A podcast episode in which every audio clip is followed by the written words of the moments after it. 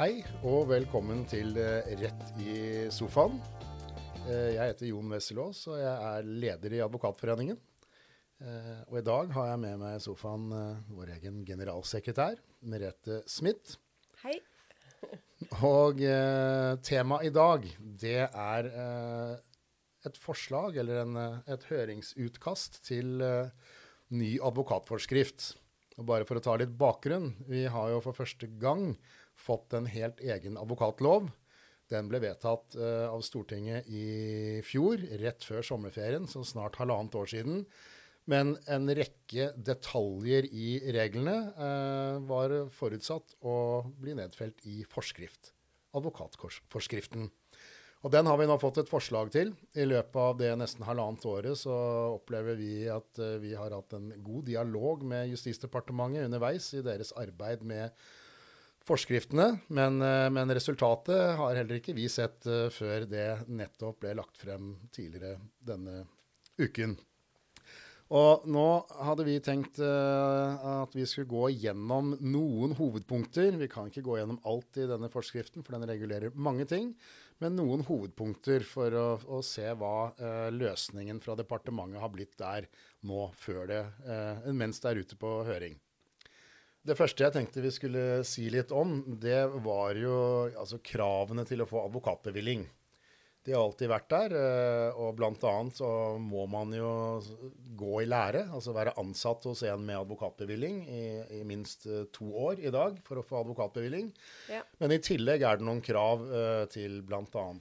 kurs, og også ha prosedyreerfaring, altså prosedere noen saker for domstolene etter dagens regelverk. Hva er det som foreslås i advokatforskriften på dette punktet? Altså, det vil fortsatt være et krav om tre rettssaker. Og en av disse sakene skal være en hovedforhandling i sivil sak av en viss størrelse. Så det er som i dag. Men for de to andre så er det noen endringer. For det første så kan eh, nå en straffesak, en hovedforhandling i en straffesak, det vil telle som én sak. For Eh, før var det sånn at ofte måtte du ha to, for de ble regnet som ikke nok hvis det bare var én. Mm, det stemmer. Eh, saker for en del nemnder vil bli godkjent som eh, en sak. Rettsmekling av en viss størrelse. Eh, men det som er nytt, det er at man vil få det som eh, kalles en rettssakseksamen. Som er en fiktiv rettssak, eller en sånn moot court. Eh, og da vil det bli eh, arrangert et opplegg med en eh, sånn rettssak, fiktiv rettssak av en viss størrelse. um, som eh, man da vil kunne ta og vil få erstattet for én av disse sakene. Nettopp. Så det gjør at uh, for de advokatfullmektene som jobber i firmaer som kanskje ikke har så mange saker i retten, så vil den ene av de sakene kunne erstattes med en sånn fiktiv rettssak. Og den, vel, den, må vel, eh, den må jo godkjennes, holdt jeg på å si. Så det skal være noen rammer rundt den, og Juristenes Absolutt. utdanningssenter skal kunne tilby det. Ja. Og Eller- det skal eller være en- bestått og ikke bestått uh, som liksom er alternativene da, Ja. for en rettssakseksamen. Så det tenker jeg blir en god ordning. Og vi ser jo også at det har de allerede i Danmark. Og det, vårt inntrykk er at det fungerer på en veldig god måte. Ja. Men man kan fortsatt ikke få bevillingen uten å ha vært i en ordentlig rettssal. Det er riktig. Riktig. Ja, så har jeg jo allerede nevnt dette med, med advokatkurs, i tillegg til disse andre kravene. Eh, I dag er det vel sånn at det er to runder med tre dager av advokatkurs man skal ha. Eh, og man skal også bestå noen eksamener der. Eh, hva skjer der nå? I stor grad videreføres, men det økes noe, så det går fra seks til ni dager. Ja, så litt mer kurs. Ja. Ja. Litt klokere blir man kanskje. Litt klokere. Men da har vi, da har vi for så vidt vært gjennom altså, eh, endringene i kravene til å få advokatbevilling. Og de er jo, det er veldig mye likt, eh, men det er gitt noe mer fleksibilitet på disse sakene. Og så er det litt flere kursdager på advokatkurset. Det stemmer. Um, men så er det jo sånn at vi eh, i Advokatforeningen så har vi vært eh, inntil videre i mange år opptatt av at medlemmer av vår forening de plikter å ha etterutdanning også når de har blitt advokater, og så lenge de praktiserer. Ja. Um, Og nå blir der har vi sånn ønsket at det skulle bli sånn for alle advokater, også de få som ikke er medlemmer hos oss. Ja, og det, sånn blir det. Eh, kravet til etterutdanning det kommer nå til å gjelde for alle advokater. Kravet blir det samme, dvs. Si timekravet blir det samme. Men nå blir det for eh, tre år av gangen man foretar opptelling, ikke fem år som vi har hatt. Ja. Og det må være en god ordning. Det er jo stort sett det samme, og det er jo en ordning som vi selv har innført for lengst for våre medlemmer, så det syns vi selvfølgelig er bra. Og der inngår det vel også fortsatt eh, at eh, av de timene skal noen av dem også være advokatetikk. Ja, noen timer advokatetikk, men eh, jeg tror det er to timer på den treårsperioden. Ja. Så er det en, en endring um, som er ganske viktig, eller har litt betydning, og det er det som nå kalles forsikringsadvokater. Ja, det er innført en ny type advokater, forsikringsadvokater. Det er de som jobber i et forsikringsselskap som tilbyr rettshjelp som et av sine produkter. Så du jobber i forsikringsselskapet, og så tilbyr du rettshjelp til eh, eksterne eh, klienter som har betalt en rettshjelpsforsikring. Så forsikringsselskapets eh, rettshjelpsforsikringskunder. Ja. Der kan forsikringsselskapet ansette advokater som fører de sakene for kundene som forsikringen dekker. Ja. Ja.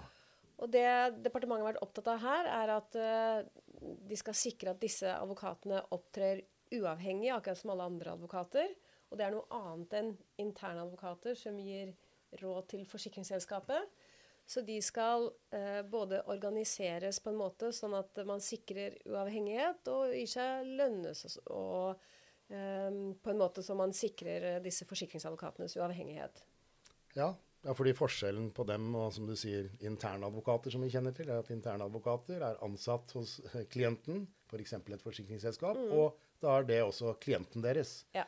Uproblematisk sånn sett, men her blir de ansatt hos forsikringsselskapet, men de skal være lojale mot sine klienter, som er forsikringstagerne. Nettopp. Ja, og Det er derfor de er opptatt av at da må dette gjøres på en måte som gjør at advokaten ikke fristes til å ta hensyn til arbeidsgiveren sin interesser, men forsikringstagerens interesser i den saken. Ja, ikke sant? for man kan jo tenke seg at for forsikringstaker så er det ønskelig å bruke mer tid på saken. Gå til retten, bruke eh, ja, omfattende arbeid på en sak. Mens det er jo lett å tenke seg at for forsikringsselskapet så vil man kanskje ønske noe annet, nemlig at sakene begrenses og ikke blir for omfattende. Så Løses med denne, minst mulig kostnader. Ja. ja.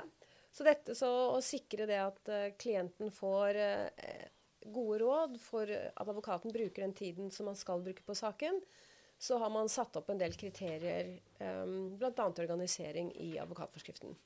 Ja, det blir spennende å se hvordan man løser det i praksis da, etter disse vilkårene. Men eh, det blir i hvert fall en ny kategori eh, advokater. Mm. Så er det regler om overtredelsesgebyr. Eh, og det gjelder jo da altså, hele advokatlovgivningen med alle pliktene advokater får der. Så er det altså, innført det noen er, regler om dette. Ja, Det som er nytt, er at man nå kan bli ilagt, eh, både som advokat og som advokatforetak, så kan man bli ilagt eh, eh et overtredelsesgebyr på ti ganger folketrygdens grunnbeløp. Eh, for brudd på en god del av bestemmelsene i eh, advokatloven. Mm -hmm. Når det gjelder uh, reglene om sikkerhetsstillelse, for det har, har, jo alltid vært et krav til oss advokater, at skal vi drive advokatvirksomhet, så har vi pliktig eh, pliktig forsikring som skal sikre at klientene får betalt hvis vi begår feil, for å si det veldig enkelt. Ja, jeg tenker Det er en viktig sikkerhet for klientene og en mm. uh, god side ved å, si, advokatvirksomheten. At uh, de gangene det skjer et eller annet, så, man, så, er klienten sikret. Og i all hovedsak så blir disse reglene videreført. Mm. Det er noen uh, små endringer, bl.a. at det ikke lenger er noe krav til sikkerhetsstillelse for internadvokater. Um, der tenker man at uh, eventuell tredjemann er sikret ved vanlig erstatningsansvar. Mm. Um, ja, og så er det også noe mindre sikkerhetsstillelse i tilfelle hvis du har advokatformektiger. Men her er reglene i all hovedsak uh, en videreføring av dagens ordning. Mm. Uh, det siste punktet vi har valgt å snakke om, selv om det er flere punkter vi kunne snakket om, det er reguleringen av klientkonti, altså, som vi alltid har hatt, og det er veldig viktig. Dette er jo altså i advokatvirksomhet at man skiller advokatens eller virksomhetens egne midler og driftsmidler fra konti der hvor man har klientenes midler. enten de har betalt et forskudd, eller man mottar en sum fra en motpart inn på klientkonto som skal ut til klienten. Um, der har man, eh, etter dagens regler, så kan man ha én felles klientkonto for alle klienter. Mm. Uh, men, men, nå, nå foreslås det... det noe annet. Ja, nå foreslås det at uh, det skal opprettes én klientbankkonto, som er det formelle riktige navnet, for hver klient. Og det skal da stå både i advokatens og klientens navn.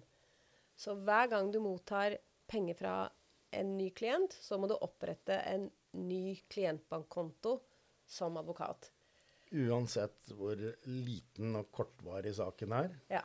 Og det er jo eh, der vi tenker at det største problemet med dette forslaget er at det ikke er laget noen nedre grense for eh, hva som skal til før du må opprette en sånn egen konto. Um, for eksempel, eh, i dag er det jo slik at eh, hvis du har um, klienter etter reglene om uh, fritt rettsråd, ja. så er det jo likevel én time som klienten må betale i egenandel. Per, dag. per i dag så er det 1180 kroner. Og det vanlige her er jo at advokaten ber om et forskudd på det beløpet. Uh, så det betyr at hver gang du får 1180 kroner fra en klient som forskudd, så må du opprette en ny konto. Bare pga. den drøye tusenlappen? Ja. Og, det er jo, og det, her kan vi jo typisk snakke om saker hvor Det frie rettsrådet ikke dekker så veldig mange timer med hjelp heller. Ja, for mange av disse sakene, fritt rettsråd-sakene er jo uh, stykkprisordninger. Ja. Uh, Dvs. Si at uh, du får bare betalt et visst antall timer, som, som, du sier nettopp, er færre timer enn det saken krever. Um, og i tillegg får du, da, får du da enda mer administrasjon oppå det hele. Så selv om uh, intensjonen er god, og hensynene bak til dels er, er veldig bra, så tenker vi med å uh, I hvert fall slik vi har sett på det så langt. altså nå er jo, Vi har jo nettopp ja, uh, fått uh, forslag, det kom bare for noen dager siden. Så tenker vi at det, det innebærer mye administrasjon. og tidkrevende, som vil bli Til slutt innebærer jo at det blir, er kostnader som blir veltet over på klientene.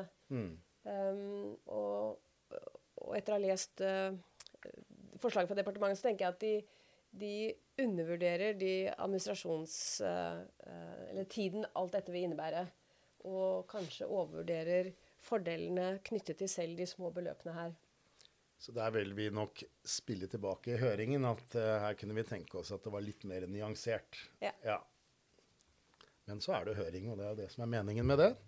Og når det var det siste punktet, uh, i forlengelsen av at ja, her kommer vi nok til å ha noen innsigelser på det punktet, så må vi vel si at vi i sum, uh, når vi står der vi gjør, med både advokatloven og forskriften, så er vi i sum ganske fornøyd med det som har kommet av regelverk.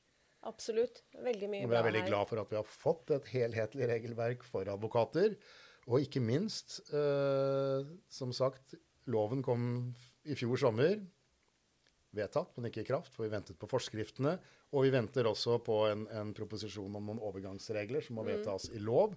Men nå, med den, eh, det tidsskjemaet vi har nå, hvor dette allerede er ute på høring, høringsfristen går ut uh, rett over nyåret, 2.1., da er det faktisk uh, mulig uh, for regjeringen å sørge for at Stortinget får vedtatt de få overgangsreglene som må vedtas, i løpet av vårsesjonen. Forskriftene kan være på plass ikke så lang tid etter at høringsfristen er ute. Og da kan vi i beste fall få dette regelverket fullstendig på plass og i kraft fra 1.7 neste år. Det hadde vært kjempegøy. To år etter at loven ble vedtatt, og det, det håper vi jo. Ja, og, det, og, det, er mulig. Helt, uh, helt klart. Jeg vet ikke om departementet er enig i det, men um, om det skjer 1.7 neste år, eller i hvert fall fra 1.1.2025, eh, 2025 ja. så tenker jeg at det hadde vært eh, kjempefint. Ja. ja, men da får vi bare bidra til å følge med på oppfølgingen, vi. Ja, og så må vi si at hvis noen har noen innspill til uh, og synspunkter på det forslaget som nå er lagt på høring, så kom med det. Takk for i dag. Tusen takk.